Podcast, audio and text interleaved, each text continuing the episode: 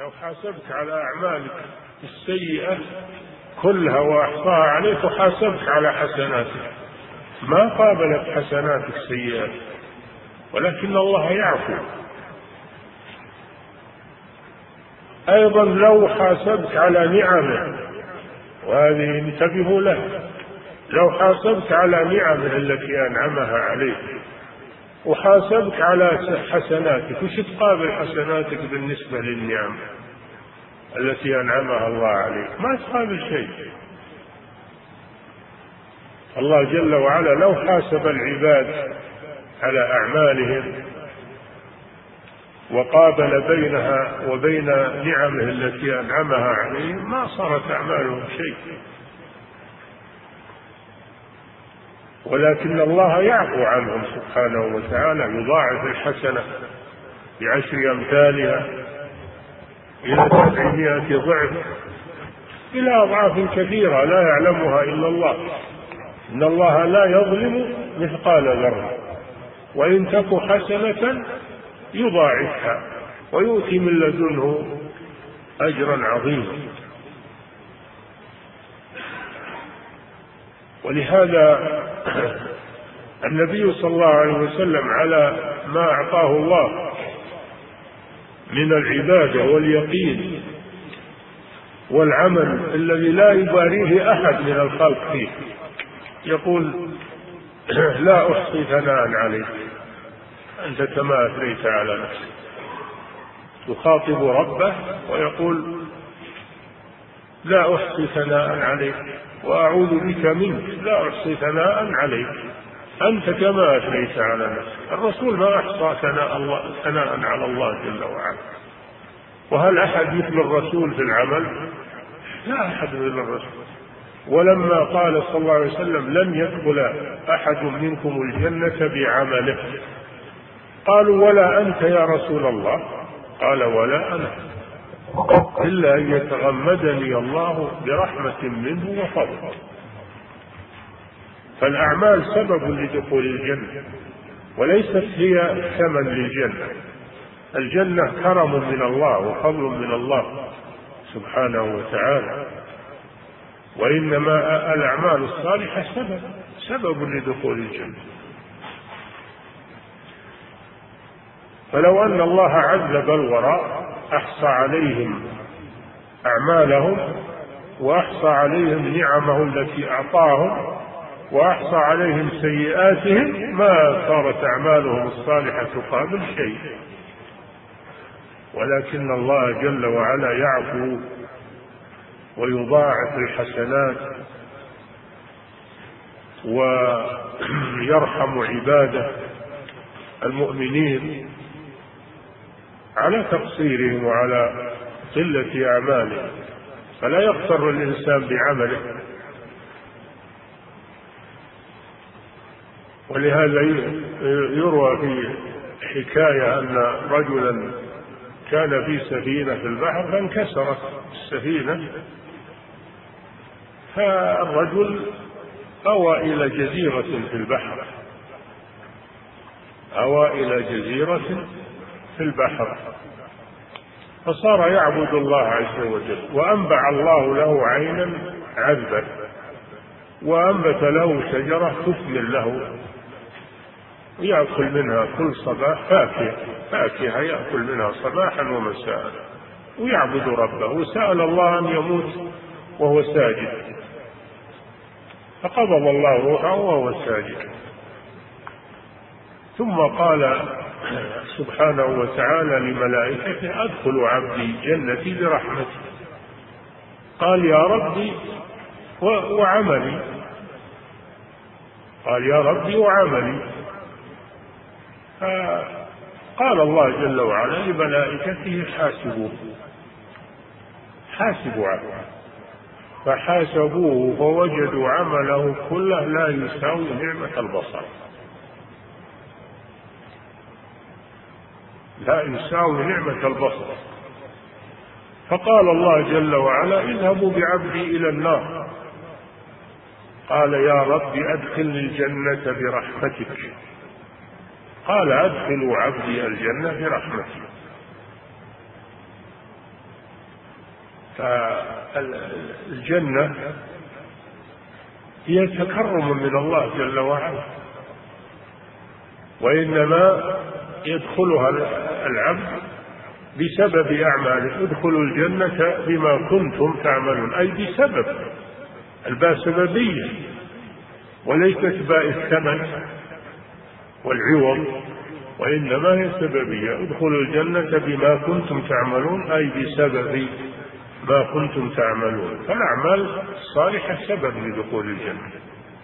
وأما دخول الجنة نفسه فهو برحمة الله سبحانه وتعالى. وفضل من الله جل وعلا. هذا معنى قوله وجاز نعم. وجاز للمولى يعذب الورى من غير ما ذنب ولا جرم جرى. نعم جاز له سبحانه وتعالى ذلك. لأنه لو حاسبهم على نعمه لما قابلت أعمالهم شيئا. نعم. فكل ما من منه تعالى يجمل لأنه عن فعله لا يسأل. نعم كل أفعاله جل وعلا جرت على الحكمة جرت على الحكمة لا على العبث. ولا يسأل سبحانه وتعالى عما يفعل وهم يسألون. لأن أعماله جل وعلا تجري على العدل وعلى الإحسان وعلى الحكمة. أما العباد فإنهم يسألون عن أعمالهم لأن منها الصالح ومنها الفاسد ومنها السيء ومنها الحسن ومنها أما أعمال الله جل وعلا فكلها عدل كلها حكمة كلها رحمة كلها خير. نعم. فإن يثب فإنه من فضله وإن يعذب فبمحض عدله. إن يثب فإنه من فضله سبحانه وتعالى. وإن يعذب فبمحض عدله سبحانه وتعالى. عدل ما هو بجور ولا ظلم. إنما يعذب الإنسان بعمله يعذبه ما يعذبه جورا منه سبحانه وتعالى إنما يعذبه بعمله وسعيه الذي قدمه في الدنيا. نعم. فلم يجب عليه فعل الأصلح ولا الصلاح ويح من لم يفلح. خل هذا الدرس القادم إن شاء الله؟ نعم أحسن الله إليك. بسم الله الرحمن الرحيم. الحمد لله رب العالمين. اللهم صل وسلم على عبدك ورسولك نبينا محمد وعلى آله وأصحابه أجمعين.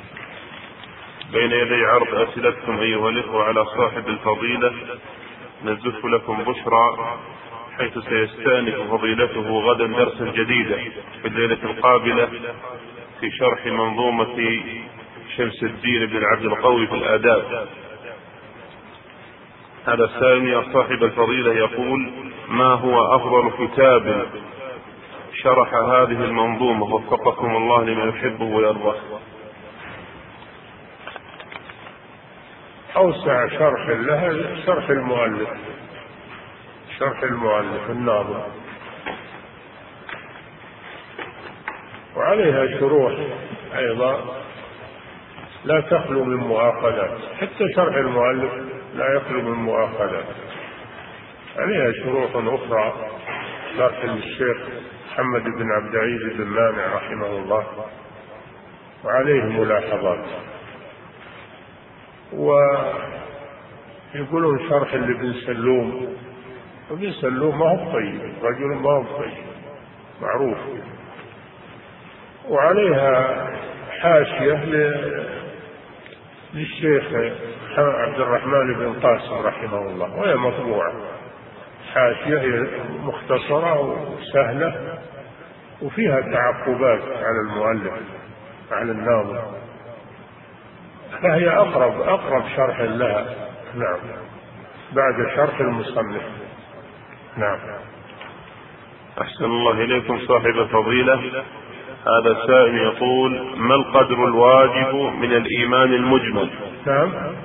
هذا السائل يقول أحسن الله إليكم ما القدر الواجب من الإيمان المجمل؟ فهل يكتفي أو هل يكفي الإيمان بالله إجمالا دون أنواع التوحيد الثلاثة؟ وكذا الإيمان بالملائكة والرسل. لابد من التوحيد الثلاثة. لابد من أنواع التوحيد الثلاثة. لابد أنه يؤمن بالله وبأسمائه وصفاته كما جاءت في القرآن. ولا بد أنه يعبد الله عز وجل ولا يشرك به شيئا. لا بد من هذا. على العام وعلى العالم. لا بد من هذا. نعم. أحسن الله إليكم صاحب الفضيلة. وهذا السائل يقول ما هي الأمور التي توصل العقيدة إلى مرحلة الجزم والاقتناع؟ الكتاب والسنة. الكتاب والسنة كافيان في في ترسيخ العقيدة في القلب والنظر في مخلوقات الله جل وعلا. النظر في ملكوت السماوات والأرض.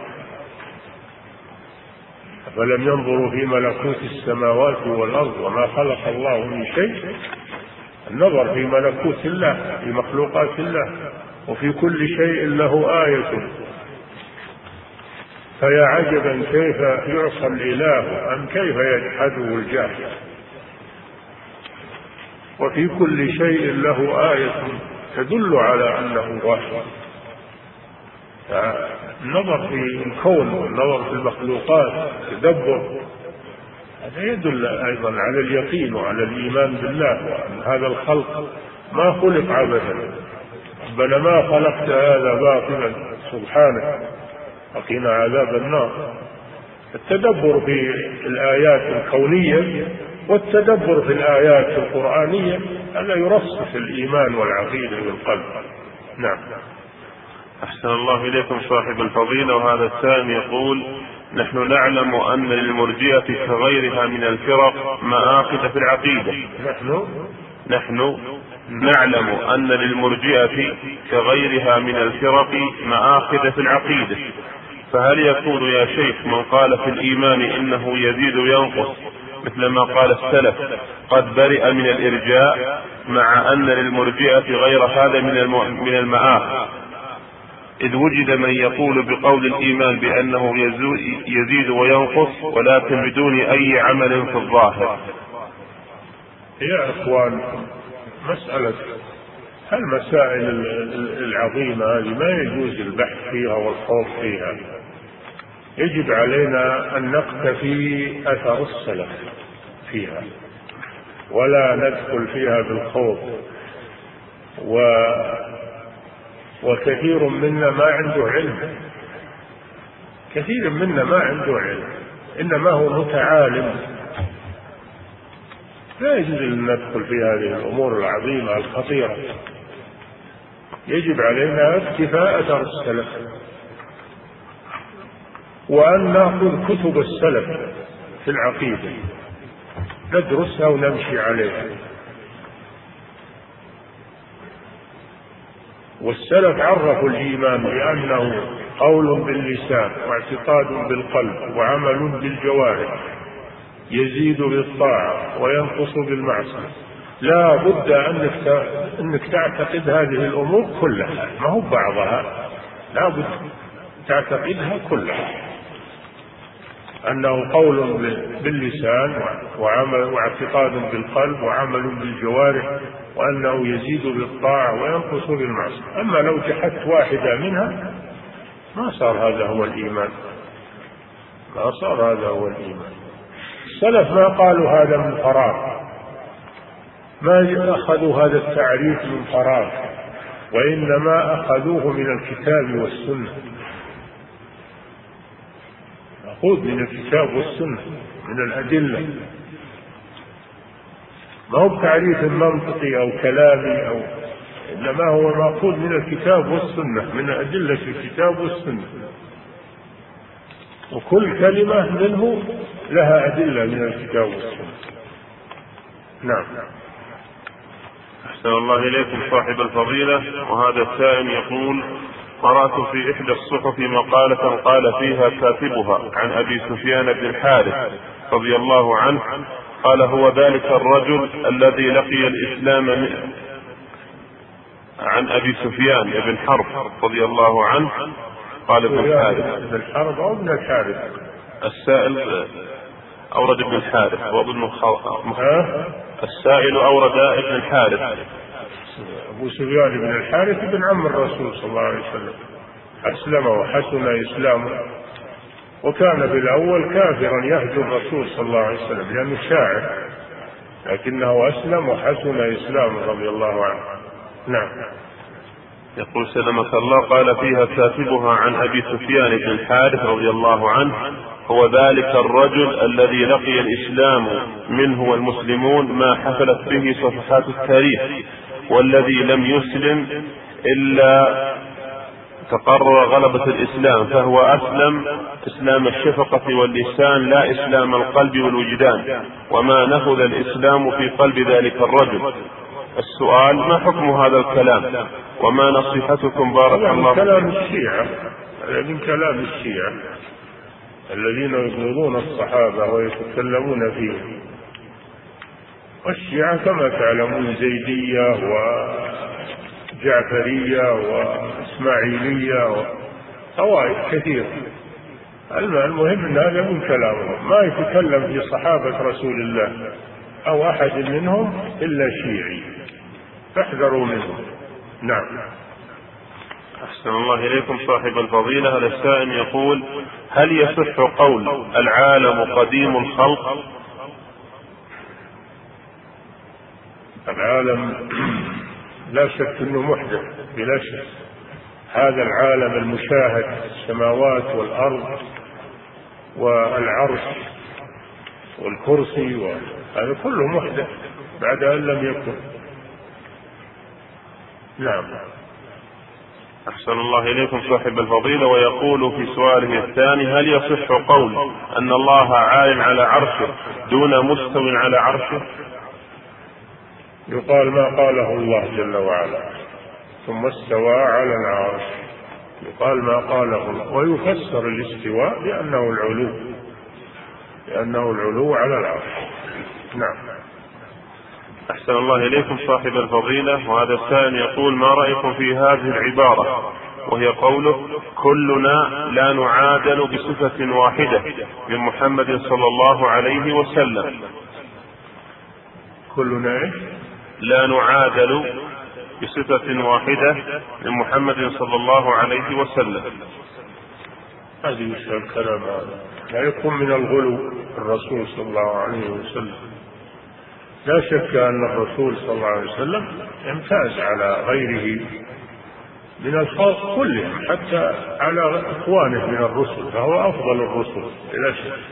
وهو سيد ولد آدم عليه الصلاة والسلام. أما قول أن كلنا ما نعادل الصفة الله أعلم ما أدري عن هذا الكلام. نعم. أحسن الله إليكم صاحب الفضيلة. هذا السائل يقول في قول السفارين في قول السفارين رحمه الله لكنها كسب لنا يا لاهي ألا يشعر قوله هذا بأنه يقول بكسب الأشاعرة علما بأن عبارة كسب الأشعري دائما ما تتكرر دون أن أعلم معناها فما حقيقتها؟ لعلنا نرجي السؤال هذا للدرس الآتي ونعيد الكلام في هذا لأنه يحتاج إلى إلى تأمل. نعم. أحسن الله إليكم صاحب الفضيلة. هذا السائل يقول يقول ذكرتم أن التقليد ينقسم إلى نوعين. ما هما؟ إيش؟ يقول ذكرتم أن التقليد ينقسم إلى نوعين. فما هما؟ ما قلت إن التقليد ينقسم إلى نوعين أنا أقول إن التقليد هو قبول قول الغير من غير دليل. هذا هو التقليد. التقليد إنما يكون للعوام الذين لا يعلمون يقلدون. فاسألوا أهل الذكر إن كنتم لا تعلمون. أما أهل العلم فإنهم لا يجوز لهم التقليد. يجب عليهم البحث. نعم. والاستدلال. نعم. أحسن الله إليكم صاحب الفضيلة. وهذا السائل يقول ما الحكمة من تتابع العلماء على تدريس نظم السفاريني هذا مع وجود ملاحظات عليه ومع وجود متون أخرى سليمة من الملاحظات كالعقيدة الوسطية وغيرها؟ لأن العقيدة هذه شاملة واسعة وفيها خير كثير. والملاحظات التي عليها يسيرة ولله الحمد. فنحن ننتفع بما فيها من علم وننبه على ما فيها من بعض الألفاظ التي فيها مؤاخذ يعني معناه ننحرم منها ونتركها. لا فيها علم غزير وفيها خير كبير. نستفيد منها. ما زال علماؤنا يقرؤونها ويدرسونها ويحفظونها ولا يحرمون أنفسهم طلابهم منها. نعم. أحسن الله إليكم صاحب الفضيلة. هذا السائل يقول هل يقال عن أفعال الله أنها كلها مخلوقة؟ وكيف الجمع بين هذا وبين أن صفات الله غير مخلوقة؟ يا أخي ما أنت ما تفهم. كون الله متصفا بأنه يخلق الخالقية هذه هذه صفة ذات ملازمة له سبحانه وتعالى. أما الخلق نفسه والفعل لا شك أن هذا كله مخلوق. مخلوقات الله جل وعلا كلها محدثة بعد أن لم تكن. لكن كون الله موصوفا بأنه خالق وأنه آه، متصف بالخالقية هذا قديم. فرق بين هذا وهذا. نعم. أحسن الله إليكم صاحب الفضيلة. هذا السائل يقول نريد من فضيلتكم أن تضعوا درسا في أصول الفقه لكي نتعلمها من أهل السنة ولا نقع في الشبه ولنعرف الحق من الباطل. أصول الفقه ما فيها اختلاف بين أهل السنة وغيرهم. أصول الفقه قواعد للاستنباط. ما فيها اختلاف. إلا من ناحية إذا جاء فيها شيء يتعلق بالعقيدة يمكن.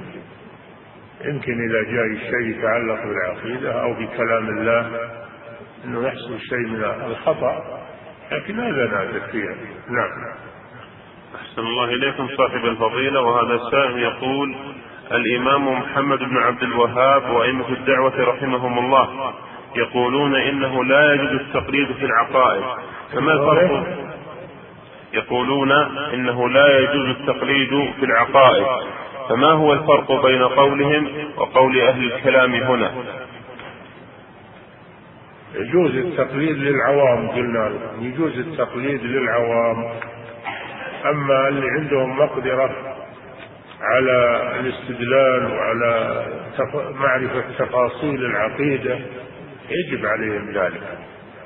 لكن كل عام تقول له لازم تعرف كل تفاصيل العقيدة صعبة. نعم.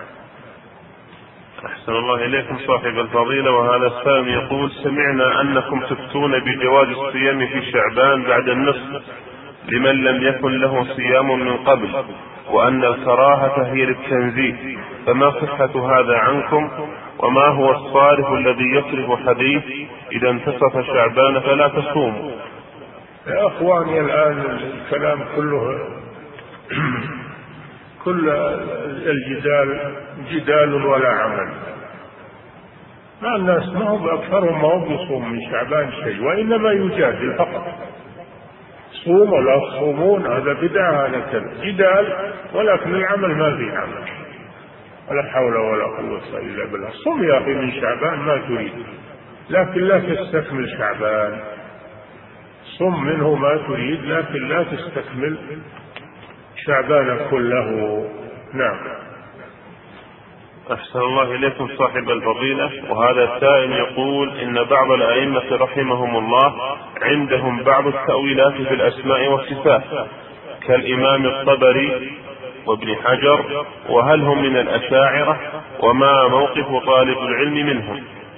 هذا اتهام هذا اتهام. ولا ولم تذكر عليه دليل. ابن جرير الطبري عنده تأويل في العقيدة وإنه فيه ذا نعم. أحسن الله إليكم صاحب الفضيلة. نعم. أحسن الله إليكم صاحب الفضيلة. وهذا سائل يقول عند قول الناظم رحمه الله وجاز للمولى يعذب الورى من غير ما ذنب ولا جرم جرى. تعقب عليه الشيخ ابن قاسم بقوله وليس هذا من قول السلف ولا من ولا من الثناء على الله والنصوص النافية للظلم ثابتة أو تثبت العدل في الجزاء فهل هذا التعقيب منه رحمه الله صحيح؟ على كل حال أنا شرحت لكم هذا وقلت لو أن الله حاسب العباد على أعمالهم ما بلغت ما بلغت شيئا بالنسبة لنعمته عليهم وبالنسبة لسيئاتهم ومخالفاتهم. ولكن الله جل وعلا يتفضل عليهم بالرحمة على أهل الإحسان وال وأما أهل الكفر فيعذبهم بذنوبهم. لا ظلما لهم وإنما بذنوبهم. تعذيبه لهم عدل. لأنه جازاهم بعملهم وإكرامه لأهل الطاعة هذا فضل منه سبحانه تفضل منه. نعم. أحسن الله إليكم هذا ويكفي. نعم. أحسن الله إليكم صاحب الفضيلة. هذا سائل يقول الله عز وجل نزه نفسه عن الظلم ولكن قد يقول البعض في كلمة دارجة الله يظلم من ظلمني. فهل قائل هذه العبارة كافر أم لا؟ هذا جاهل. هذا جاهل يجب عليه التوبة من هذا الكلام ولا يبقى نعم. أحسن الله إليكم صاحب الفضيلة وهذا السائل يقول مع قرب شهر رمضان يكثر في المساجد إقامة إفطار للصائمين. هل إذا وضعت خيمة بجوار المسجد وأقمت فيها إفطارا للصائمين يكون ذلك ابتداعا في الدين؟ ابتداعا في الدين.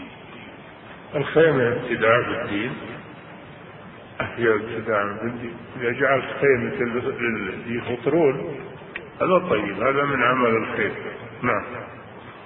أحسن الله إليكم صاحب الفضيلة. هذا السائل يقول ما حكم قول بعض الناس لشخص ناوله شيئا بيساره فيقول له يسارك يمين. ها؟ يقول له يسارك يمين. كيف يسارك يمين؟ يعني يبي يشبهه بالله عز وجل أن كلتا يديه يمين. هذا كلام لا يجوز. نعم. أحسن الله إليكم صاحب الفضيل ويقول في سؤاله الآخر ما رأيكم في من يقول ساخرا أو مازحا؟ وهو مسافر أنا لدي بطاقة تخفيض سأصلي الظهر ركعتين إيش؟ يقول ما رأيكم في من يقول ساخرا أو ضاحكا وهو مسافر أنا لدي بطاقة تخفيض وسأصلي الظهر ركعتين إيش علاقة البطاقة وصلاة الظهر؟ صلاة الظهر ركعتين إذا كان يجوز له القصر يصليها ركعتين يصليها ركعتين علشان بطاقة التخفيض. يصليها إذا كان يجوز له القصر يصليها ركعتين. أما بطاقة التخفيض ما لها دخل. نعم. أحسن الله إليكم صاحب الفضيلة. وهذا السائل يقول إمام مسجد عندما يقرأ آيات فيها عذاب فيمر على الآية مثل قوله هذا نزلهم يوم الدين يكررها ثلاثة. وهذا ديدنه في كثير من الفروض الجهرية. فما حكم ذلك مع العلم؟ سم؟ كثير؟ في كثير من الفروض الجهرية. جهرية نعم. نعم. فما حكم ذلك مع العلم أنه يحتج بأن النبي صلى الله عليه وسلم قام ليلة كاملة في آية؟ إن تعذبهم فإنهم عباد. هذا في النفل. إذا كرر هذا في النفل وهو يصلي بنفسه بغير جماعة يصلي هو منفرد. يكرر ما يخالف كما فعل الرسول صلى الله عليه وسلم. الرسول فعل هذا في قيام الليل وهو يصلي لنفسه عليه الصلاة والسلام. ما كان يفعل هذا وهو يصلي بالناس. نعم. يجب أن الإنسان يعرف يعني سنة الرسول صلى الله عليه وسلم. يعرف كيف ما يعمل في النافلة كيف ما يعمله الرسول صلى الله عليه وسلم في النافلة وقيام الليل وصلاته منفردا وما يعمله في الفريضة صلاته بالجماعه قال صلى الله عليه وسلم أيكم أما الناس فليخفف فإن فيهم الكبير والضعيف وذا الحاجة فإذا صلى لنفسه فليطول ما شاء. نعم. أحسن الله إليكم صاحب الفضيلة. هذا السائل يقول في مسألة تفضيل الملائكة على البشر هل هي من مسائل العقيدة؟ وهل يستدل على أن الملائكة أفضل بالحديث القدسي؟ ومن يشغلنا بهالمسألة دي. اللي يشغلنا بالملائكة والبشر أيهم أفضل؟ وش الداعي لهذا؟ هذه يقول العلماء إن ما لها داعي ولا تحتها طائر هل واجب تركها؟ نعم. أحسن الله ما عرفنا إحنا ما عرفنا مسائل العقيدة الضرورية كيف نروح المسائل ما تحتها طائر ولا تعلق بالعقيدة؟ نعم. أحسن الله إليكم صاحب الفضيلة. هذا السائل يقول هل ورد في انتهاء المجلس بأن يقال سبحان رب العزة عم سبحانك رب العزة عما يصفون؟ الذي ورد أنه يقول سبحانك اللهم وبحمدك اللهم اغفر لي. هذه كفارة المجلس. سبحانك اللهم وبحمدك استغفرك وأتوب إليك. ورد في كفارة المجلس. نعم. أحسن الله إليكم صاحب الفضيلة. هذا السائل يقول نلاحظ بعض الأئمة في شهر رمضان يتركون الصلاة في مساجدهم لبعض الفروض كالفجر والعصر وغيرها. وإذا نصح في ذلك قال لأجل الاستعداد لصلاة التراويح فما حكم هذا وما نصيحتكم له؟ إن شاء الله يخلي الفريضة ويستعد للتراويح. هذا إمام فاضل ما شاء الله. نعم. الله المستعان أحسن الله إليكم صاحب الفضيلة. هذا السائل يقول إن أبي خطب لي بنت عمي مشافهة نعم. هذا السائل يقول إن أبي خطب لي بنت عمي مشافهة نعم. ثم بعد أيام عمي خطب أختي لولده. ثم ملكنا عند المملك علما بأن المهر أن يتكلف كل واحد منا بالذهب والزواج. ثم إن أختي لا تريد ابن عمي. ويقول ابن عمي أنطلق أختي وأنا أطلق أختك. فهل هذا الزواج شغار؟ وما هي شروط الشغار؟ هذا عقد قد حصل وتم يتراجع فيه المحكمة راجعوا المحكمة. هي اللي تنظر في العقود. نعم. أحسن الله إليكم صاحب الفضيلة. هذا السائل يقول أحد أصحاب الإبل يقول إن عنده إبل ويعطيها طعاما من شعير وتبن وغيرها وقد تأكل هذه الإبل شيء من روثها بعد يبكر لما فيه من الشعير. هل تعتبر هذه من الجلالة؟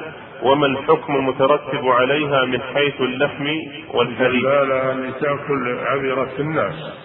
الجلالة اللي تأكل من عذرات الناس النجسة. أما أنها تأكل من روثها هي روثها طاهر. روث الإبل طاهر. نعم. أحسن الله إليكم صاحب الفضيلة. هذا السائل يقول ما مدى صحة هذه القاعدة؟ الأصل في المسلم السلامة. وهل من منهج السلف السؤال عن عقائد الأشخاص وتتبعهم لمعرفة ذلك؟ الأصل في المسلم الخير والعدالة. ما لم يتبين لنا خلاف ذلك. نحمل المسلم على الخير وعلى العدالة. ما لم يتبين خلاف ذلك. نعم. أحسن الله إليكم صاحب الفضيلة وهذا السائل يقول هذه مسألة حوالة. لو حول رجل مثلا ألف ريالا سعوديا إلى اليمن بحيث يستلمها المحول له ريالا بالعملة اليمنية هل في ذلك شيء؟ نعم هذا هذا صرف هذا صرف قدم الدراهم السعودية هنا ولم يستلم بدلها إلا في اليمن أو في بلد آخر. هذا صرف يجري فيه الربا. لابد من التقابض في المجلس. لابد من التقابض في المجلس. إذا كان يريد هذه المسألة يشتري نقود يمنية هنا يشتري نقود عملة يمنية من هنا ويحولها أما أنه يعطيه دراهم سعودية ويأخذ بدلها يمنية هناك النبي صلى الله عليه وسلم يقول ما لم يتفرقا وبينهما شيء يقول يدا بيد هاء وهاء نعم. أحسن الله إليكم صاحب الفضيلة هذا السائل يقول هل صفة الكلام صفة ذاتية وفعلية أم أنها صفة ذاتية فقط؟ وما هو التعريف الكامل للصفات الفعلية؟ كل أفعال الله كل الأفعال هي صفة ذاتية وفعلية كل أفعال الله. صفة ذاتية حيث أنه متصف بها وصفة فعلية بحيث أنه يفعلها إذا شاء. نعم. أحسن الله إليكم صاحب الفضيلة وهذا سائل يقول ما حكم اللعب بما يسمى بلعبة البلياردو والفرفيرة؟ والله ما أعرف دوري ما تمشي نعم. نعم أحسن الله إليكم صاحب الفضيلة. وهذا سائل يقول أرجو من فضيلتكم أن توضحوا الطريقة الصحيحة لتحريك الإصبع في التشهد الأول والأخير وأن ترينا ذلك بيدك ما تعرف ترفع إصبع؟ إذا وصلت إلى التشهد ارفع إصبعك السبابة أو الدعاء إذا وصلت إلى دعاء ترفع إصبعك السبابة. هذا هذه الصفة نعم. أحسن الله إليكم صاحب الفضيلة. هذا السائل يقول ما حكم هذه العبارة؟ قول المرأة وأنت بكرامة أو فلان العامل أعزكم الله. وهل فيه نوع من أنواع الشرك؟ هذا تنقص للناس.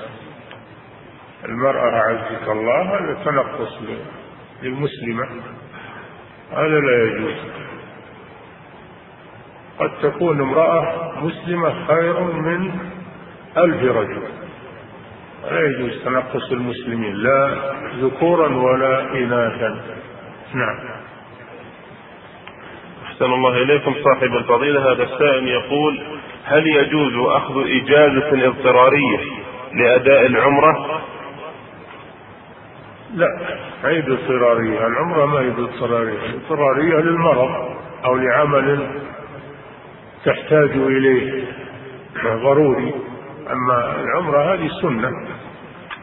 ما تترك عملك اللي واجب عليك أداء وتذهب لأداء سنة نعم. أحسن الله إليكم صاحب الفضيلة. هذا السائل يقول في القطار يقع اختلاط في بعض العربات وهناك بعض النساء تكشف الوجه في هذه العربات. هل من توجيه لذلك؟ هذا لازم إنك إذا انتقدت شيء في القطار يخل بالدين أو بالأخلاق انك تكلم المسؤولين عن عن القطار مسؤولين عن القطار ترفع لهم أو تعطيهم الملاحظات. وهم إن شاء الله يقومون بتلافيها. نعم. أحسن الله إليكم صاحب الفضيلة. هذا السائل يقول هل الإنسان يجب عليه إنكار المنكر الذي يسمع به ثم ما رآه أو أنه ينكر المنكر يقول سلمك الله هل الإنسان يجب عليه إنكار المنكر الذي يسمع به وما رآه؟ كأن يقال في المكان الفلاني منكر كذا وكذا أم أن الإنسان متعبد بوجوب إنكار المنكر الذي رآه؟ وما سواه فإنه من باب الاستحباب.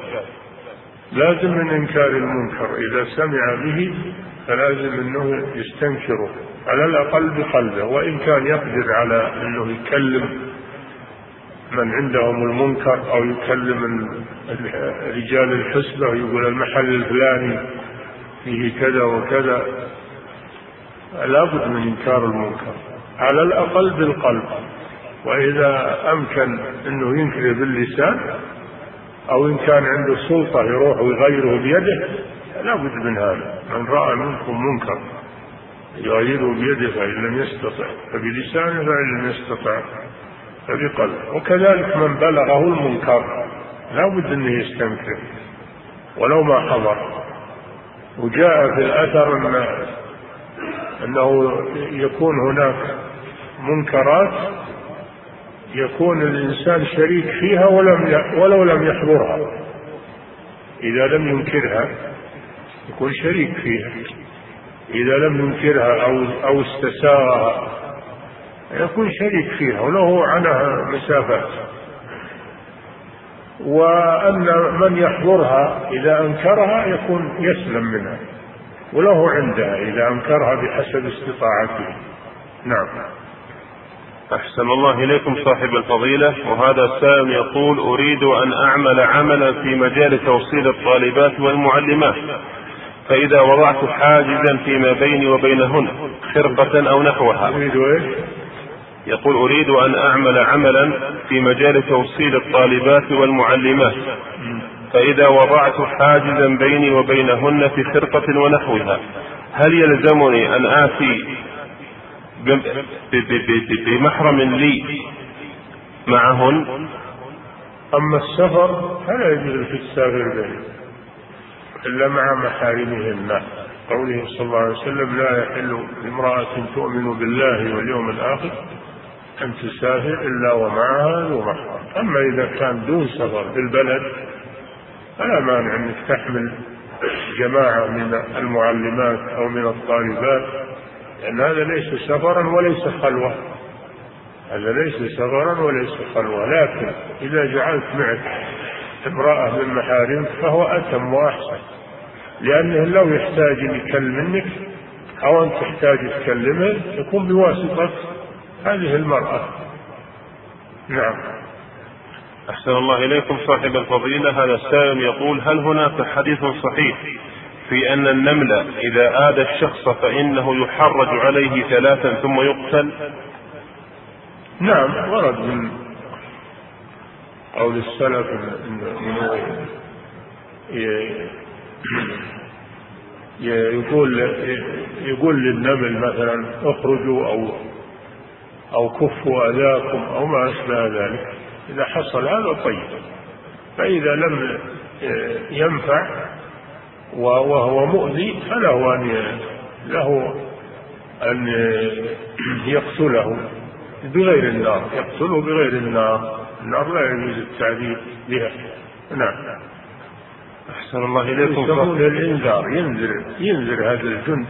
إنذار والله جعل كل شيء له إدراك وله معرفة. نعم. أحسن الله إليكم صاحب الفضيلة. وهذا السائل يقول هل صحيح رجوعكم عن انتقادكم لكتاب خالد العنبري حول التكفير يا أخوان يتركون من هالأمور الله يهديكم. اتركون من هذا اطلبوا العلم اتركوا خالد العنبري وفلان وعلان وكتاب كذا. اطلبوا العلم اتركون منها الأمور هذه. نعم. أحسن الله إليكم صاحب الفضيلة. هذا السائل يقول أنا أصوم في بعض الأيام النافلة. وتقول أمي أفطر. نعم. أحسن الله إليك. هذا السائل يقول أنا أصوم في بعض الأيام النافلة. وتقول أمي أفطر وتلزمني بهذا الفطور. فما حكم صيامي إن كان إن كان أمك تحتاج إليك. إن كان أمك تحتاج إليك. ولا تتمكن من قضاء حاجتها وخدمتها إلا بالإفطار أفضل. أما إذا كان أمك ما تحتاج إليك أو أنك تقدر على خدمتها وعلى القيام بحقها وأنت صايم فلا فلا تبطل صيامك. نعم. انتهى أحسن الله. الله تعالى أعلم وصلى الله وسلم على نبينا محمد وعلى آله وصحبه. بسم الله الرحمن الرحيم. الحمد لله رب العالمين وصلى الله وسلم على عبده ورسوله نبينا محمد وعلى آله وأصحابه أجمعين. قال الناظم رحمه الله تعالى فلم يجب عليه فعل الأصلح. من الباب أول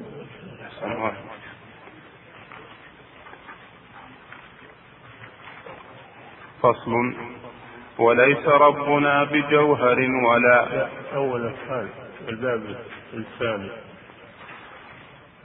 عفى الله عنك. وسائر الأشياء غير الذات وسائر الأشياء غير الذات وغير ما في الأسماء والصفات. مخلوقة لربنا من العدم وظل من أثنى عليها بالقدم. بسم الله الرحمن الرحيم.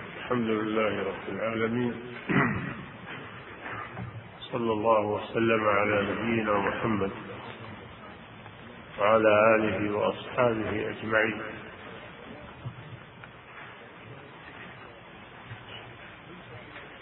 الله جل وعلا بأسمائه وصفاته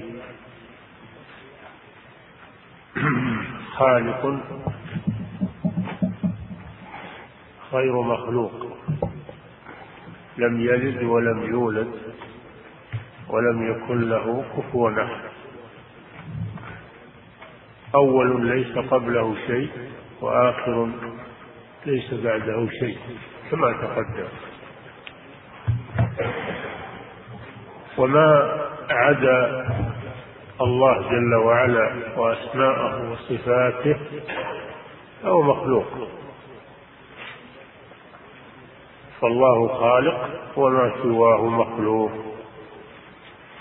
كل ما سوى الله وأسمائه وصفاته فإنه مخلوق موجود بعد أن لم يكن. أوجده الله جل وعلا من العدم. هذه عقيدة المسلمين عموما. وهذا ما دل عليه كتاب الله وسنة رسوله صلى الله عليه وسلم وأجمعت عليه الرسل والشرائع والمسلمون. أن الله خالق وما سواه وما سواه مخلوق. موجود بعد أن لم يكن. خلقه الله من عدم. وأما الفلاسفة كأرسطو وأتباعه فهم يقولون بقدم العالم. يقولون إن العالم قديم. وهذا ما أشار إليه الناظم في آخر البيت. وهم الذين يقولون إن العالم قديم ليس بمحدث. نعم وكفروا بذلك. نعم. أعد البيت. وسائر الأشياء غير الذات. وغير ما في الأسماء والصفات. يعني غير الله وأسمائه وصفاته نعم. مخلوقة لربنا من العدم وظل من أثنى عليها بالقدم. وظل من أثنى عليها بالقدم وصفها بأنها بأنها قديمة وهم الفلاسفة الذين يقولون بقدم العالم. هؤلاء ضلال وكفار وهم أرسطو وأتباعه من الفلاسفة. نعم. وربنا يخلق باختيار من غير حاجة ولا اضطرار. نعم. والله جل وعلا يخلق ما يشاء. يخلق ما يشاء. من غير اضطرار. أن أحدا يجبره سبحانه بل هو يخلق باختياره ومشيئته وإرادته من غير إلزام له بذلك أو أن أحدا يجبره على ذلك. تعالى الله عن ذلك وربك يخلق ما يشاء. نعم. وربنا يخلق باختيار من غير حاجة ولا اضطرار. من غير حاجة وهو لم يخلق الخلق لحاجته إليهم بل الخلق هم المحتاجون إلى الله. وأما الله فهو غني عنهم. كما قال سبحانه وما خلقت الجن والإنس إلا ليعبدون. ما أريد منهم من رزق. وما أريد أن يطعمون. الله يخلقهم لا لحاجته إليهم ولا لأنهم ينفعونه أو يضرونه بل المخلوقات كلها محتاجة إلى الله جل وعلا. يا أيها الناس أنتم الفقراء إلى الله والله هو الغني الحميد. وكل المخلوقات لولا إيجاد الله لها لما وجدت ولولا أن الله يتولاها ويمدها بما يصلحها لما بقيت. فهي المحتاجة إلى الله سبحانه. فالله غني عن كل شيء وكل شيء محتاج إلى الله سبحانه وتعالى. نعم. وربنا يخلق باختيار من غير حاجة ولا اضطرار. من غير حاجة يعني لا يخلق الخلق ليحتاج إليهم ولا اضطرار أي لا أحد يجبره على أفعاله سبحانه وتعالى. وإنما يفعلها باختياره وإرادته ومشيئته. ما شاء كان وما وما لم يشاء لم يكن. ولا أحد يجبره على أن يخلق أو أن يفعل شيئا. نعم. لكنه لا يخلق الخلق سدى كما أتى في النص فاتبع الهدى.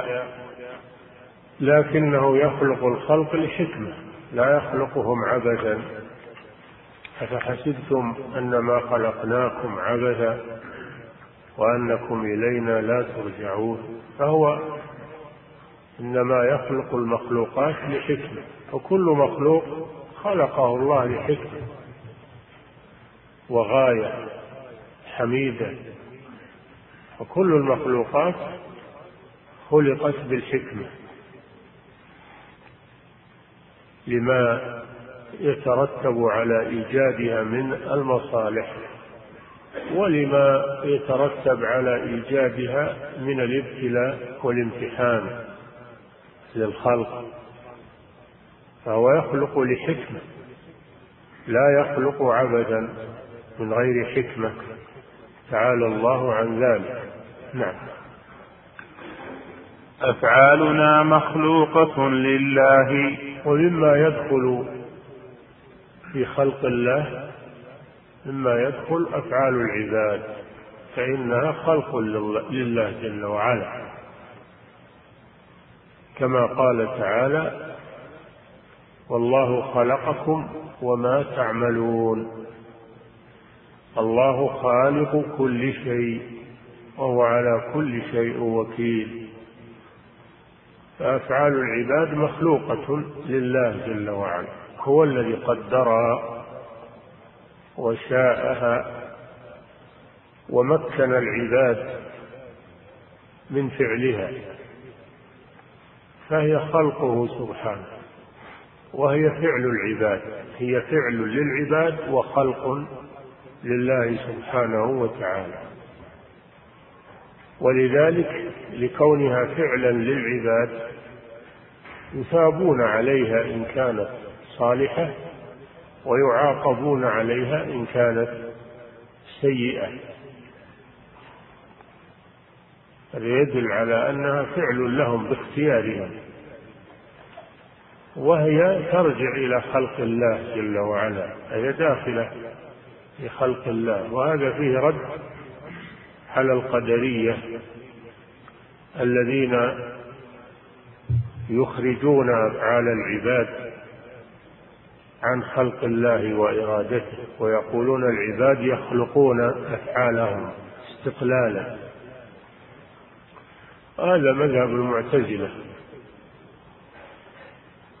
ولذلك يسمون مجوس هذه الأمة لأن المجوس أثبتوا خالقين. خالق للخير وخالق للشر. والمعتزلة زادوا على المجوس فأثبتوا خالقين متعددين وقالوا كل يخلق فعل نفسه فهم زادوا على المجوس. المجوس أثبتوا خالقين والمعتزلة أثبتوا خالقين متعددين فلذلك يسمون مجوس هذه الأمة. نعم. أفعالنا مخلوقة لله لكنها كسب لنا يا لاهي لكنها كسب لنا يعني فعل لنا. الكسب والفعل بمعنى واحد. قال جل وعلا وما أصابكم من مصيبة فبما كسبت أيديكم. بما كنتم تكسبون. فهي كسب للعباد بمعنى أنها فعل والفعل والكسب بمعنى واحد. لا يختلفان عند جمهور أهل السنة. وأما الأشعري وأتباعه فيقولون إنها كسب للعباد لا فعل. ينفون عنها الفعلية من جهة العباد ويقولون إنها كسب وليست فعلا. وهذا لا يتصور هذا التفريق لا يتصور أبدا لأنه لا فرق بين الفعل والكسب. الأشاعرة يقولون هي كسب للعباد وليست فعلا لهم. وهذا من من التفريق هذا من التفريق بين المتشابهين. لا يمكن هذا. تفريق بين مجتمعين. فلا فرق بين الكسب والفعل. سماها الله كسبا للعباد وسماها عملا ادخلوا الجنة بما كنتم تعملون. سماها كسبا وسماها عملا وسماها فعلا. فهي كسب وفعل للعباد ليست كسبا فقط كما تقوله المعتزلة. ولهذا يقال مما يقال ولا حقيقة تحته. معقولة لذوي الأفهام الكسب عند الأشعري والحال عند الهاشمي وطفرة النظام. فمن الأمور التي لا حقيقة لها الكسب عند الأشعري. نعم وهي هذه المسألة. نعم. أفعالنا مخلوقة لله. لكنها كسب لنا يا لاهي مخلوقة لله هذا بلا شك. هي كسب لنا وفعل لنا. ما يكفي نقول كسب بل نقول هي فعل وكسب. كسب لنا وفعل لنا.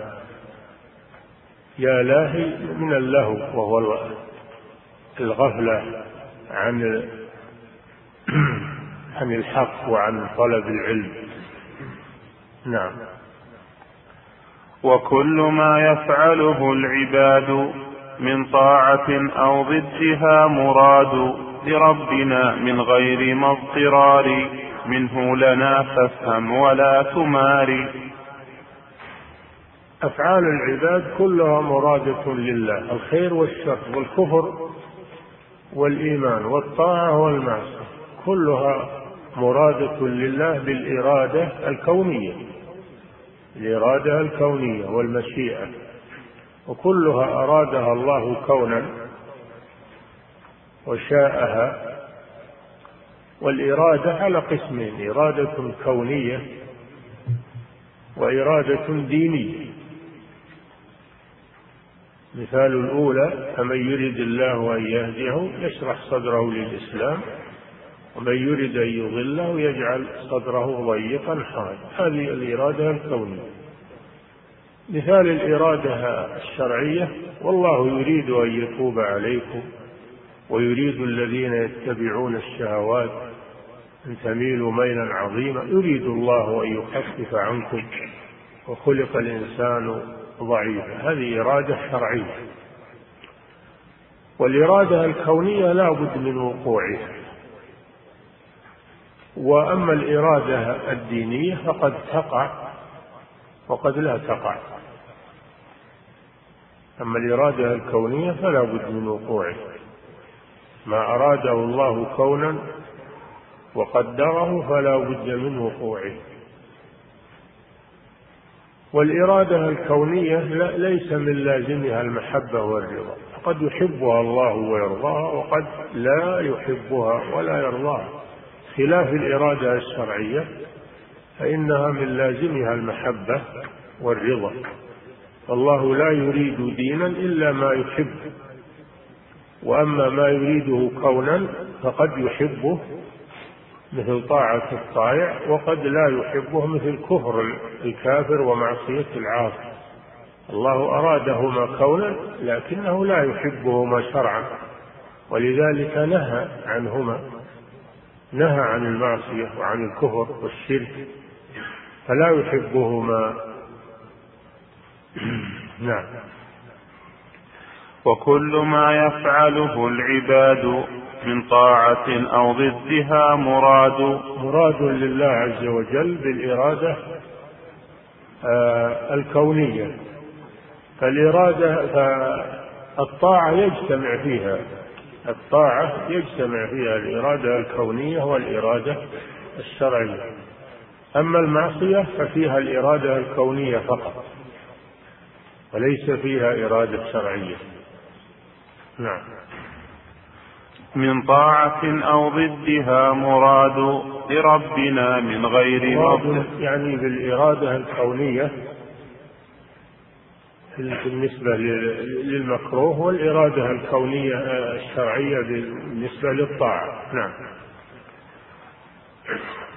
وكل ما يفعله العباد من طاعة أو ضدها مراد لربنا من غير مضطرار منه لنا فافهم ولا تماري من غير اضطرار لنا يعني لم يجبرنا هذا رد على المجبرة. جبرية. هذا رد على الجبرية. الذين يقولون إن الله أجبر العباد على أفعالهم وليس لهم اختيار. فهم يفعلون بدون اختيار وإنما هم كالآلة التي تحرك. كالآلة التي تحرك.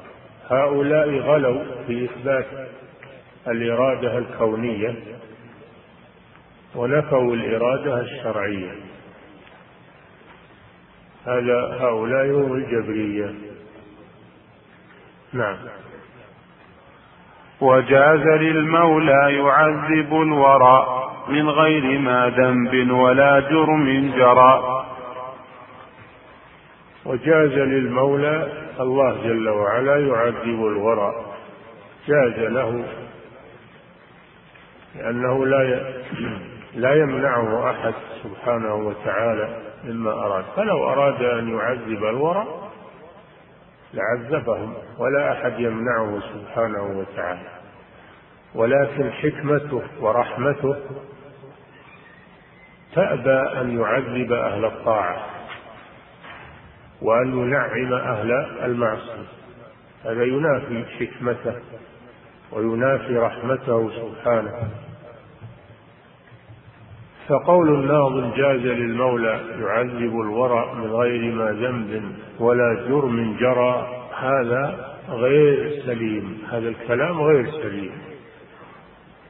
هذا على مذهب الأشاعرة الذين ينفون الحكمة في أفعال الله جل وعلا. ويقولون إن الله يفعل بمجرد المشيئة لا لحكمة. فيجوز أن يعذب المطيع وأن ينعم الكافر لأنه يفعل ما يشاء يقولون. وأما أهل السنة فيقولون هذا باطل في حق الله سبحانه وتعالى. فإنه لا يليق به أن ينعم الكافر وأن يعذب المؤمن لا يليق بحكمته سبحانه وتعالى. وبرحمته وجاءت الأدلة في الكتاب والسنة في أنه أعد للمتقين الجنات وأعد للكفار النار. هذا الذي جاء في الكتاب والسنة. فكيف تقولون يعذب الورى من غير ما ذنب ولا جرم جرى؟ هذا إنما هو على مذهب الأشاعرة الذين يقولون إن الله يفعل لمجرد المشيئة فقط لا لحكمة. وأما أهل السنة فيقولون إن الله يفعل لحكمة جل وعلا فيضع الأمور في مواضعها فيضع التعذيب في موضعه وهم الكفار والعصاة ويضع النعيم في موضعه وهم أهل الطاعة وأهل الإيمان.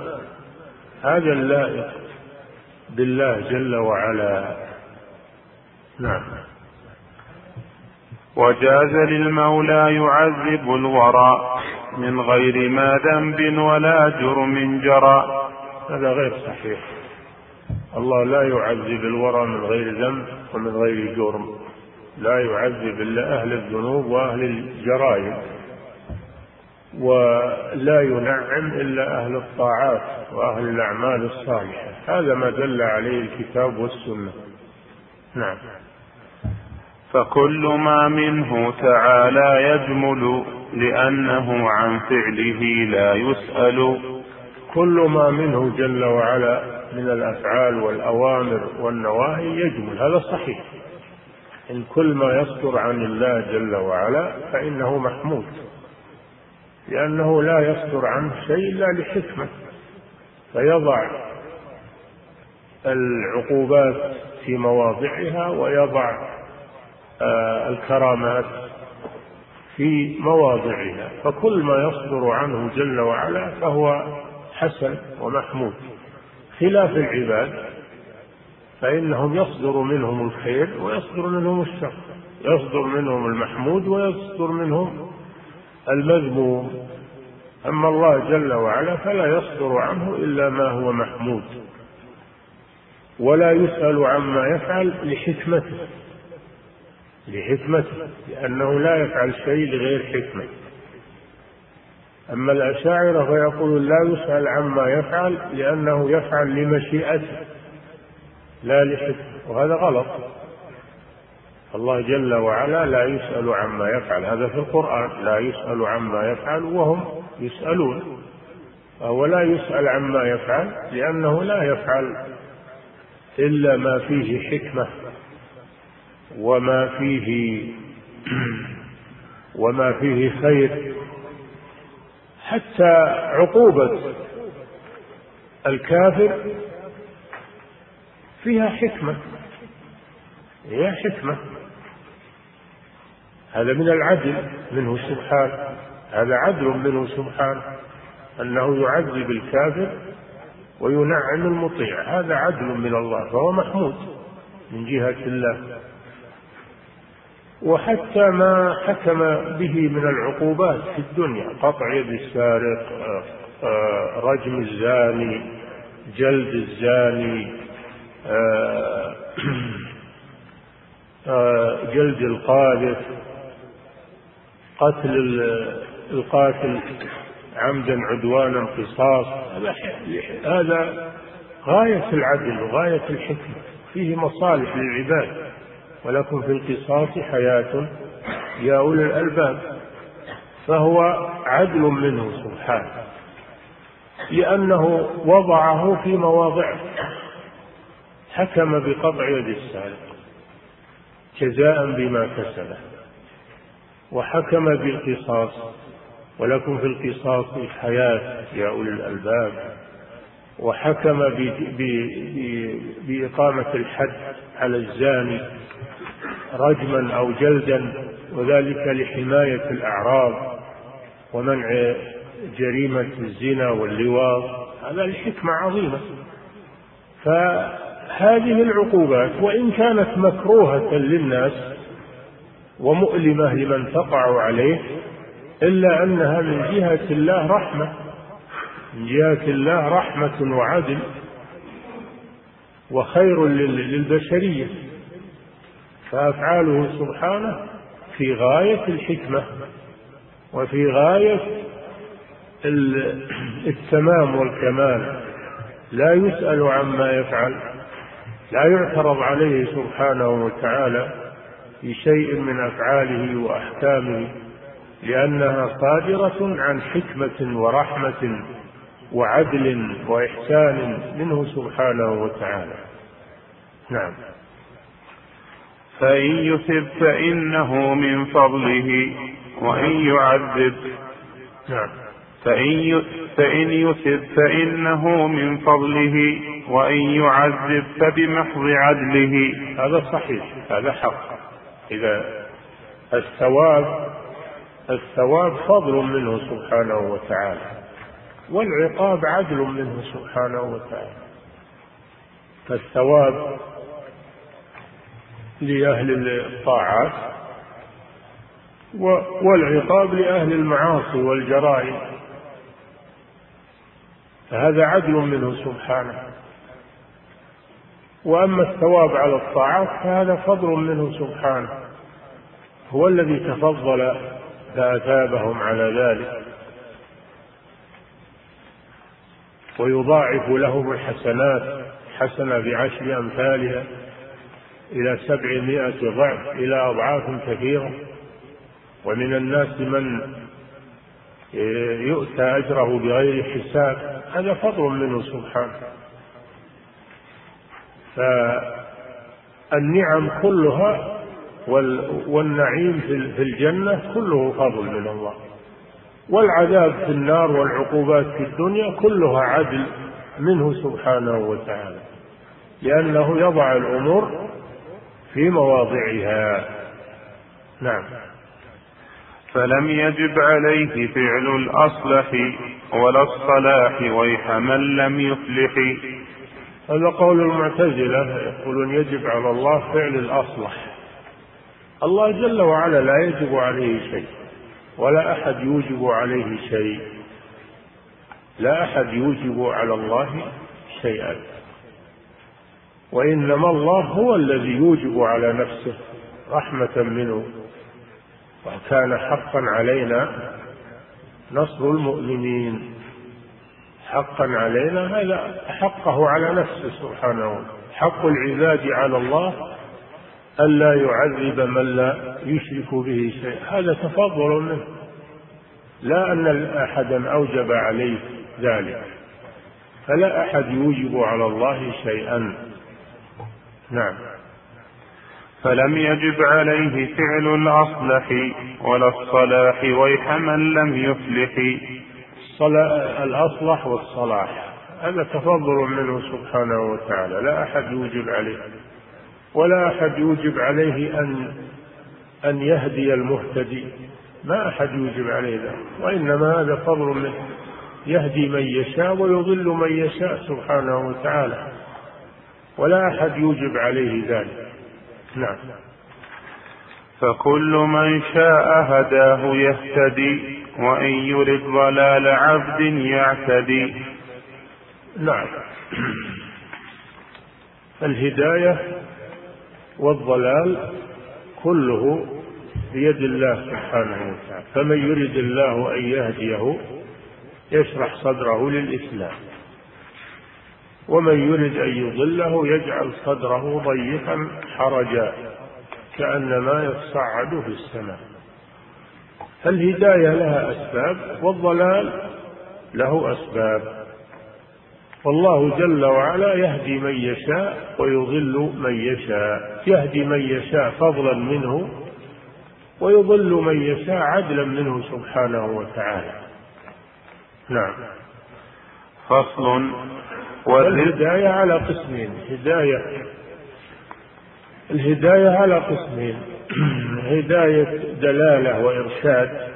وهذه حاصلة لكل الخلق الكفار والمؤمنون كلهم هداهم الله بمعنى أن الله دلهم وأرشدهم على طريق الصواب. فأما ثمود فهديناهم فاستحبوا العمى على الهدى. هذه هداية دلالة وإرشاد. والنوع الثاني هداية توفيق وهذه خاصة بالمؤمنين خاصة بالمؤمنين. ومن يرد أن يهديه فمن يرد الله أن يهديه أي هذه هداية التوفيق يشرح صدره للإسلام يشرح صدره للإسلام.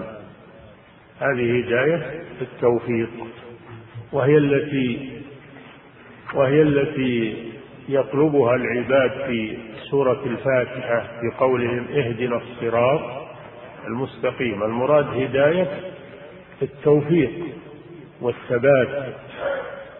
وأما هداية الدلالة والإرشاد هذه حاصلة لكل أحد. الله هدى بمعنى أنه بين وأرشد للجميع. لكن التوفيق هذا خاص للمؤمنين. هداية التوفيق. والثبات على الحق. هذه خاصة بأهل الإيمان. الله جل وعلا يقول لنبيه إنك لا تهدي من أحببت. هذه هداية التوفيق. إنك لا تهدي من أحببت. ولكن الله يهدي من يشاء. هذه هداية التوفيق. لما حرص صلى الله عليه وسلم على إسلام أبي طالب وموته على الإسلام حرص صلى الله عليه وسلم غاية الحرص وحزن لما مات على الكفر. أنزل الله عليه هذه الآية إنك لا تهدي من أحببت ولكن الله يهدي من يشاء وهو أعلم بالمهتدين. فهو يضع الهداية التوفيق في من يستحقها. وهو الذي يطلب الهداية ويحرص عليها يوفقه الله جل وعلا. أما الذي يعرض عن الهداية ويتكبر هذا يحرمه الله من الهداية بسبب أفعاله بسبب أفعاله. فهداية الضلال لها أسباب الضلال له أسباب والهداية لها أسباب. نعم. من قبل العبد نعم. فصل والرزق ما ينفع من حلال أو الرزق ما ينفع من حلال أو ضده فحل عن المحال. نعم. من جملة أفعال الله جل وعلا الرزق فهو الذي يرزق هو الرزاق الرزاق ذو القوة المتين. فالله جل وعلا هو الرزاق. من أسمائه الرزاق ومن أفعاله أنه يرزق يرزق من يشاء بغير حساب. والرزق هو ما يسوقه الله جل وعلا للعباد ما يسوقه الله جل وعلا للعباد مما يفتاتون به ويتغذون به فكل المخلوقات رزقها من الله جل وعلا هو الذي يرزقها. وما من دابة في الأرض إلا على الله رزقها ويعلم مستقرها ومستودعها. فالأرزاق كلها من الله يسوقها إلى عباده من الحشرات والدواب والسباع والهوام والطيور والآدميين والوحوش. كل المخلوقات التي تدب على الأرض كلها رزقها على الله جل وعلا. يأتيها رزقها بأمر الله وتتغذى برزق الله عز وجل. إن الله هو الرزاق ذو القوة المتين. والرزق. يقولون على قسمين رزق تملك وهو ما يملكه الناس من الثروات ومن الأموال ومن المدخرات. ورزق القوت وهو ما يتغذون به ما يتغذون به ويأكلونه ويشربون هذا كله من الله بنوعه. رزق التملك ورزق التغذي. كله من الله جل وعلا. رزق العباد كلهم على الله سبحانه وتعالى. هو الذي خلقهم وهو الذي يرزقهم. فما يخلق خلقا إلا ويقدر له رزقه ويسوق له رزقه. ولولا ذلك لهلكت المخلوقات. من الذي يغذي الحشرات؟ من الذي يغذي الطيور من الذي يغذي الحيوانات من الذي يغذي السباع والهوام من الذي يغذي الآدميين. كل له رزق والرزاق هو الله سبحانه وتعالى. ولولا أن الله يجري لها أرزاقها لهلكت في البر والبحر. نعم. والرزق ما ينفع من حلال أو ضده فحل عن المحال. نعم الرزق أيضا ينقسم إلى قسمين. رزق حلال وهو ما كان من كسب طيب. وهذا هو الذي يغذي تغذية طيبة. وهو الذي ينفع المسلم إذا تصدق منه أو أو أكله أو تموله. هذا الرزق الحلال وهو ما جاء من طريق مباح. قال تعالى يا أيها الرسل كلوا من الطيبات واعملوا صالحا.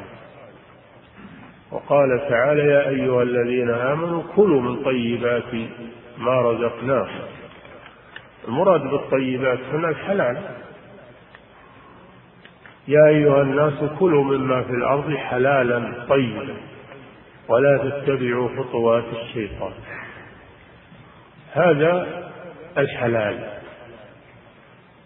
وهو الذي أمر الله بالأكل منه وأمر بالإنفاق منه. أنفقوا مما رزقناكم.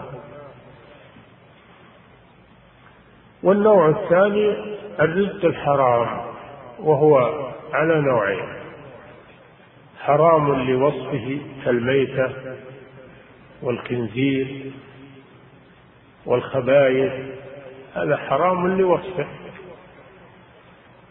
والنوع الثاني حرام لمكسبه كالربا والرشوة والقمار والغش والاحتيال والنهب والسرقة والغصب هذا حرام ل هذا حرام ل آه، الأول حرام لوصفه وهذا حرام لكسبه لكونه جاء من طريق غير مشروع. كله رزق الله سبحانه وتعالى. الحلال والحرام كله رزق الله ولكن الحلال هو الذي أمر الله بالأكل منه والإنفاق منه ونهى عن الحرام نهى عن الحرام بنوعيه. ولا تيمموا آه قال سبحانه وتعالى كلوا من طيبات ما رزقناكم وقال سبحانه وتعالى يا أيها الذين آمنوا لا تأكلوا الربا. يا أيها الذين آمنوا اتقوا الله وذروا ما بقي من الربا ولا تأكلوا أموالكم بينكم بالباطل. يا أيها الذين آمنوا لا تأكلوا أموالكم بينكم بالباطل. ونهى صلى الله عليه وسلم عن الغش ونهى عن نهى عن الغش ونهى عن الخيانة وعن الغدر ونهى عن عن أخذ مال المسلم بغير حق لا يحل مال امرئ مسلم إلا بطيبة من نفسه ونهى عن النجش ونهى عن مكاسب محرمة مفصلة في في الأحاديث الصحيحة مع القرآن الكريم. فالرزق كله من الله الحلال والحرام. لكن الحلال أمرنا بأخذه والتغذي به والإنفاق منه والحرام نهينا عنه. نعم. والرزق ما ينفع من حلال. من حلال. هذا القسم الأول. أو ضده. أو ضده وهو الحرام. كله من رزق الله سبحانه وتعالى. لكن هذا رزق حلال وهذا رزق حرام. نعم. والرزق ما ينفع من حلال أو ضده فحل عن المحال.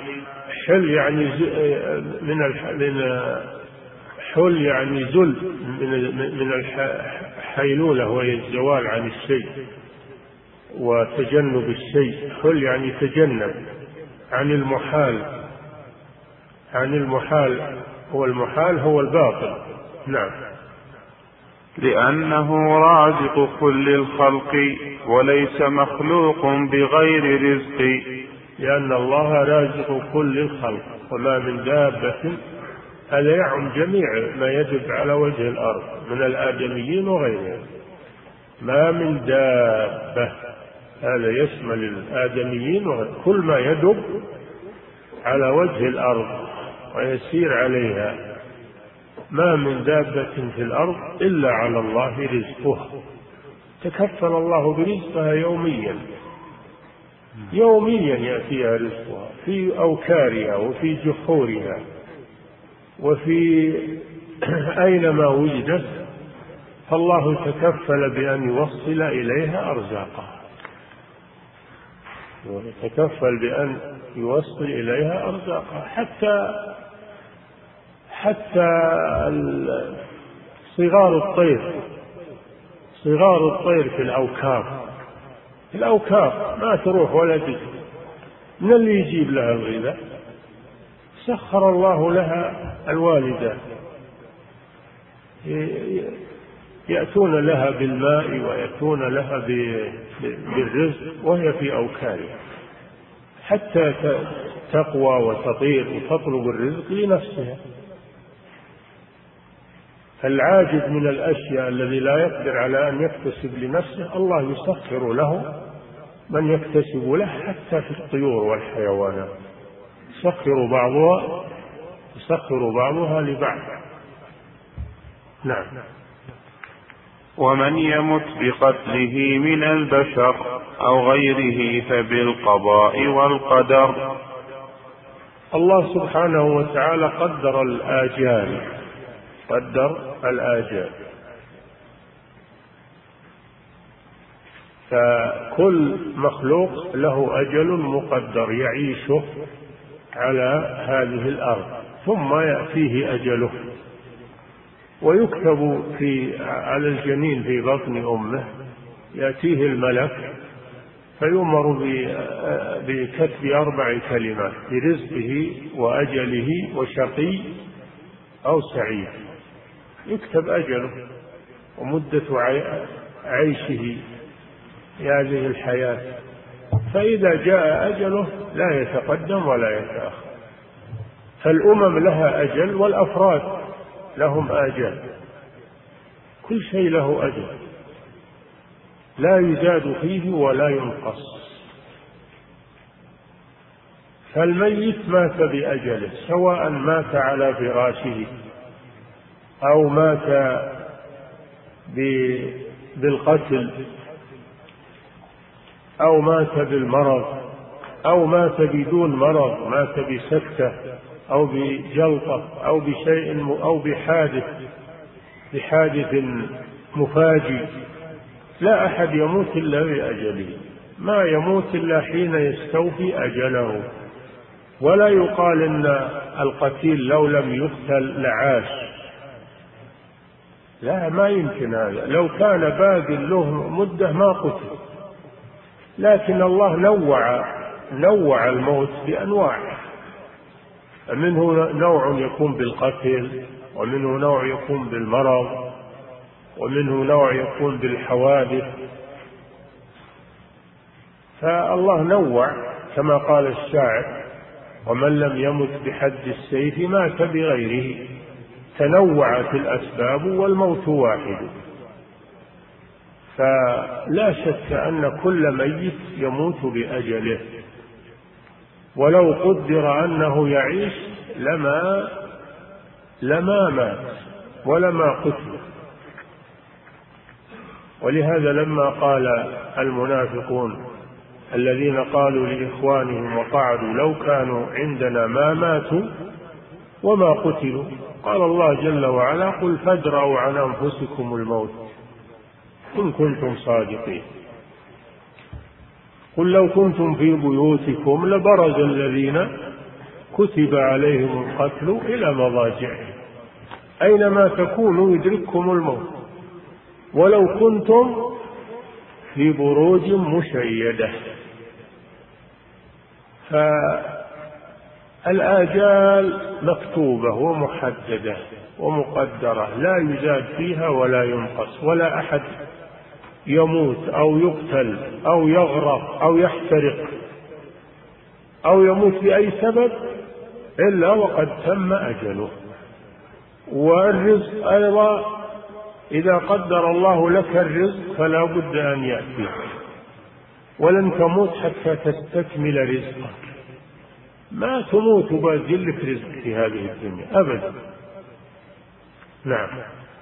نعم ولم يفت من رزقه ولا الأجل شيء فدع أهل الضلال والخطل. نعم لا تموت رزق في الحديث لا تموت نفس حتى تستكمل رزقها وأجلها. لا تموت نفس حتى تستكمل رزقها وأجلها. فإذا تم الأجل والرزق المكتوب انتهى جاء الموت. بلا شك. نعم. أما اللي يقولون إن إن المقتول إنه باقي له مدة ولو إنه آه، سلم من القتل لعاش هذا كله من الكذب والافتراء وعدم الإيمان بالقضاء والقدر.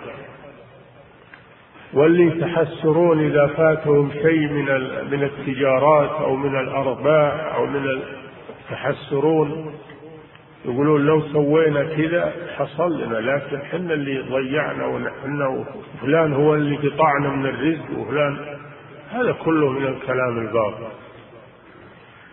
النبي صلى الله عليه وسلم يقول احرص على ما ينفعك ولا تعجزن فإن أصابك شيء فلا تقل لو أني فعلت لكان كذا وكذا ولكن قل قدر الله.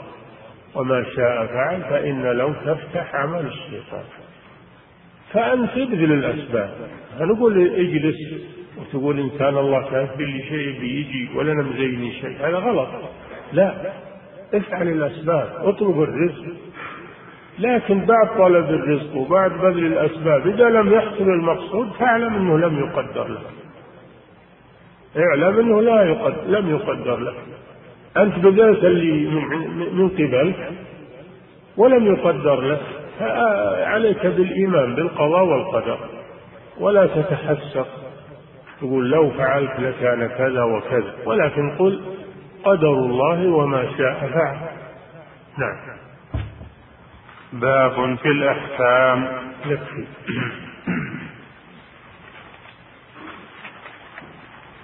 أحسن الله إليكم صاحب الفضيلة. هذه مجموعة من الأسئلة هذا أحدها. يقول السائل هل يصح قول أن الله خلق جميع المخلوقات الأخرى من أجل الإنسان وانتفاعه بها؟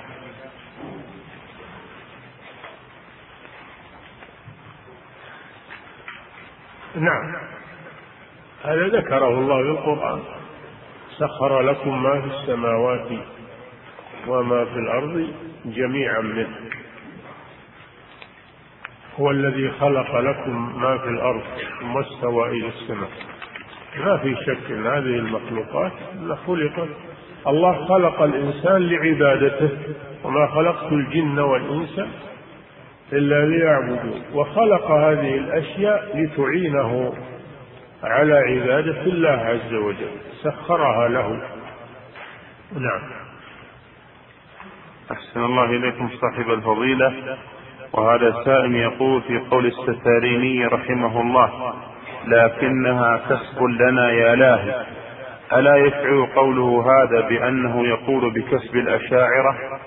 علما أن عبارة كسب الأشعري دائما ما تتكرر دون أن أعلم معناها. نعم هو يريد هذا هو يريد على قول الأشاعرة. يعني ويريد أن على قول الأشاعرة ولذلك لاحظوا عليه لاحظوا عليه هذه الكلمة. نعم. أحسن الله إليكم صاحب الفضيلة وهذا السائل يقول ما الفرق بين المشيئة والإرادة؟ لا فرق بين المشيئة والإرادة الكونية. المشيئة ترادف الإرادة الكونية. ليس هناك مشيئة شرعية. مشيئة واحدة وهي ترادف الإرادة الكونية. نعم. أحسن الله إليكم صاحب الفضيلة وهذا السائل وهذا السائل يطلب إعادة الأبيات التي ذكرتها في كسب الأشعري وطفرة وطفرة النظام ويقول لمن هي؟ هذه يذكرونها في عند هذه المواضع؟ ولا أعلم من قالها لكنها موجودة في في شروح العقائد. نعم. يطلب إعادتها سنك الله. يلقى يجدها في شروح العقيدة مما يقال ولا حقيقة تحته معقولة لذوي الأفهام. الكسب عند الأشعري والحال عند الهاشمي وطفرة. النظام نعم نعم. أحسن الله إليكم صاحب الفضيلة. يعني لا الأول كسب الأشعار. نعم. أحسن الله إليكم صاحب الفضيلة. هذا السائل يقول هل يجوز المراء والجدال في الأسماء والصفات وبيان الحق لأهل البدع وتبين مخالفتهم للمنهج السلفي؟ أم الأفضل أن نتركهم وأن نشر عنهم؟ علما بأننا نواجههم في أماكن عديدة. الواجب أن نرد على أهل الباطل لكن بعلم اللي عنده علم يستطيع الرد يرد بالعلم وبالأدلة وبالحق. أما اللي ما عنده علم فلا يدخل معهم في جدال ثم يتغلبون عليه. نعم. أحسن الله إليكم صاحب الفضيلة. هذا السائل يقول قرأت على أخت المصابة بالسحر في نهاية رمضان وهي صائمة. وفي أثناء القراءة وبغير اختيارها استفرغت نخامة. فهل يجب عليها القضاء؟ إذا كان بغير اختيارها ما عليها شيء. لو استفرغت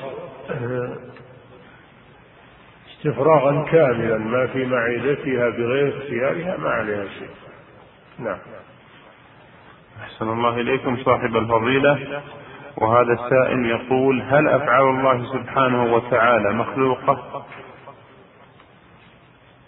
أفعاله التي هي صفاته غير مخلوقة أما مفعولاته مفعولاته مفعولات مخلوقة أما الأفعال نفسها فهي غير مخلوقة نعم. ويقول في سؤاله الثاني في قول فضيلتكم كل شيء غير الله سبحانه وتعالى مخلوق. هل يدخل في ذلك القرآن؟ يا أخي قلنا الله بأسمائه وصفاته ومن أسماء ومن صفاته الكلام والقرآن كلام الله فهو داخل في صفات الله عز وجل. نعم. أحسن الله إليكم صاحب الفضيلة. وهذا سائل يقول رجل أعطاه عمال لديه زكاة الفطر. نعم. هذا السائل يقول رجل أعطاه عمال لديه زكاة الفطر ليوزعها فأخذها وعندما ذهب إلى بيت امرأة مسكينة يعرفها وجدها مسافرة ثم وضعها عنده حتى ترجع من السفر لكي يعطيها هذه الزكاة علما أنها لم تأتي إلا بعد العيد. فما حكم عمله؟ وهل عليه شيء؟ عمله هذا غلط. الواجب لما لم يجدها في وقت الإخراج أخرجها إلى غيرها ولا يحبسها. إلا لو كانت وكلته لو كانت وكلته إنه يستلم لها الصدقات والزكوات فلا بأس. أما إذا لم توكله فقد غلط في فعله هذا. عليه أن يستغفر الله ولا يعود لمثل هذا ويخرج يخرج هذه الزكوات التي عنده. لها أو لغيرها. المهم أنه يخرجها ويكون آثما بحبسها. نعم. أحسن الله إليكم صاحب الفضيلة وهذا سائل يسأل فيقول ما الفرق بين هداية الإرشاد وهداية التوفيق؟ فرق واضح يا أخي. هداية الإرشاد هذه عامة للكفار كلهم هداهم الله بمعنى أنه بين لهم ودلهم وأرشدهم إلى الحق. وأما هداية التوفيق هذه لا تكون إلا لأهل الإيمان الذين قبلوا الحق وعملوا به نعم. وهذا السائل يسأل أحسن الله إليكم يقول ما الفرق بين رزق التملك ورزق التغذية؟ رزق التغذية يستهلك ويذهب ورزق والتملك يبقى. ممتلكات المدخرات. نعم. أحسن الله إليكم صاحب الفضيلة. وهذا السائل يقول من فاتته صلاة الفجر بغير اختياره وهو من المحافظين على صلاة الجماعة فلم يستيقظ إلا على الإقامة لصلاة الجمعة. ثم صلى الجمعة بنية الفجر ثم قضى الظهر بعد ذلك أربع ركعات. فهل عمله هذا صحيح؟ ما هو صحيح عمله هذا. كان صلى الفجر قبل ركعتين ثم صلى الجمعة. صلى الفجر أولا ثم صلى الجمعة ولو لم يدرك من الجمعة إلا الركعة الأخيرة. يصلي الفجر أولا ركعتين ثم يدخل مع الإمام فيما بقي من الجمعة. فإن كان أدرك ركعة كاملة يتمها جمعة وإن كان أدرك أقل من ركعة يتمها ظهرا. نعم. أحسن الله إليكم صاحب الفضيلة هذا هذا يقول أنه ما استيقظ إلا عند الإقامة لصلاة الجمعة. كان الواجب عليه أنه صلى الفجر ثم يدخل مع الإمام فيما بقي من صلاة الجمعة. فإن أدرك ركعة كاملة يتمها جمعة يضيف إليها أخرى ويتمها جمعة. وإن أدرك أقل من ركعة فإنه ينويها ظهرا ويتمها أربع ركعات. نعم.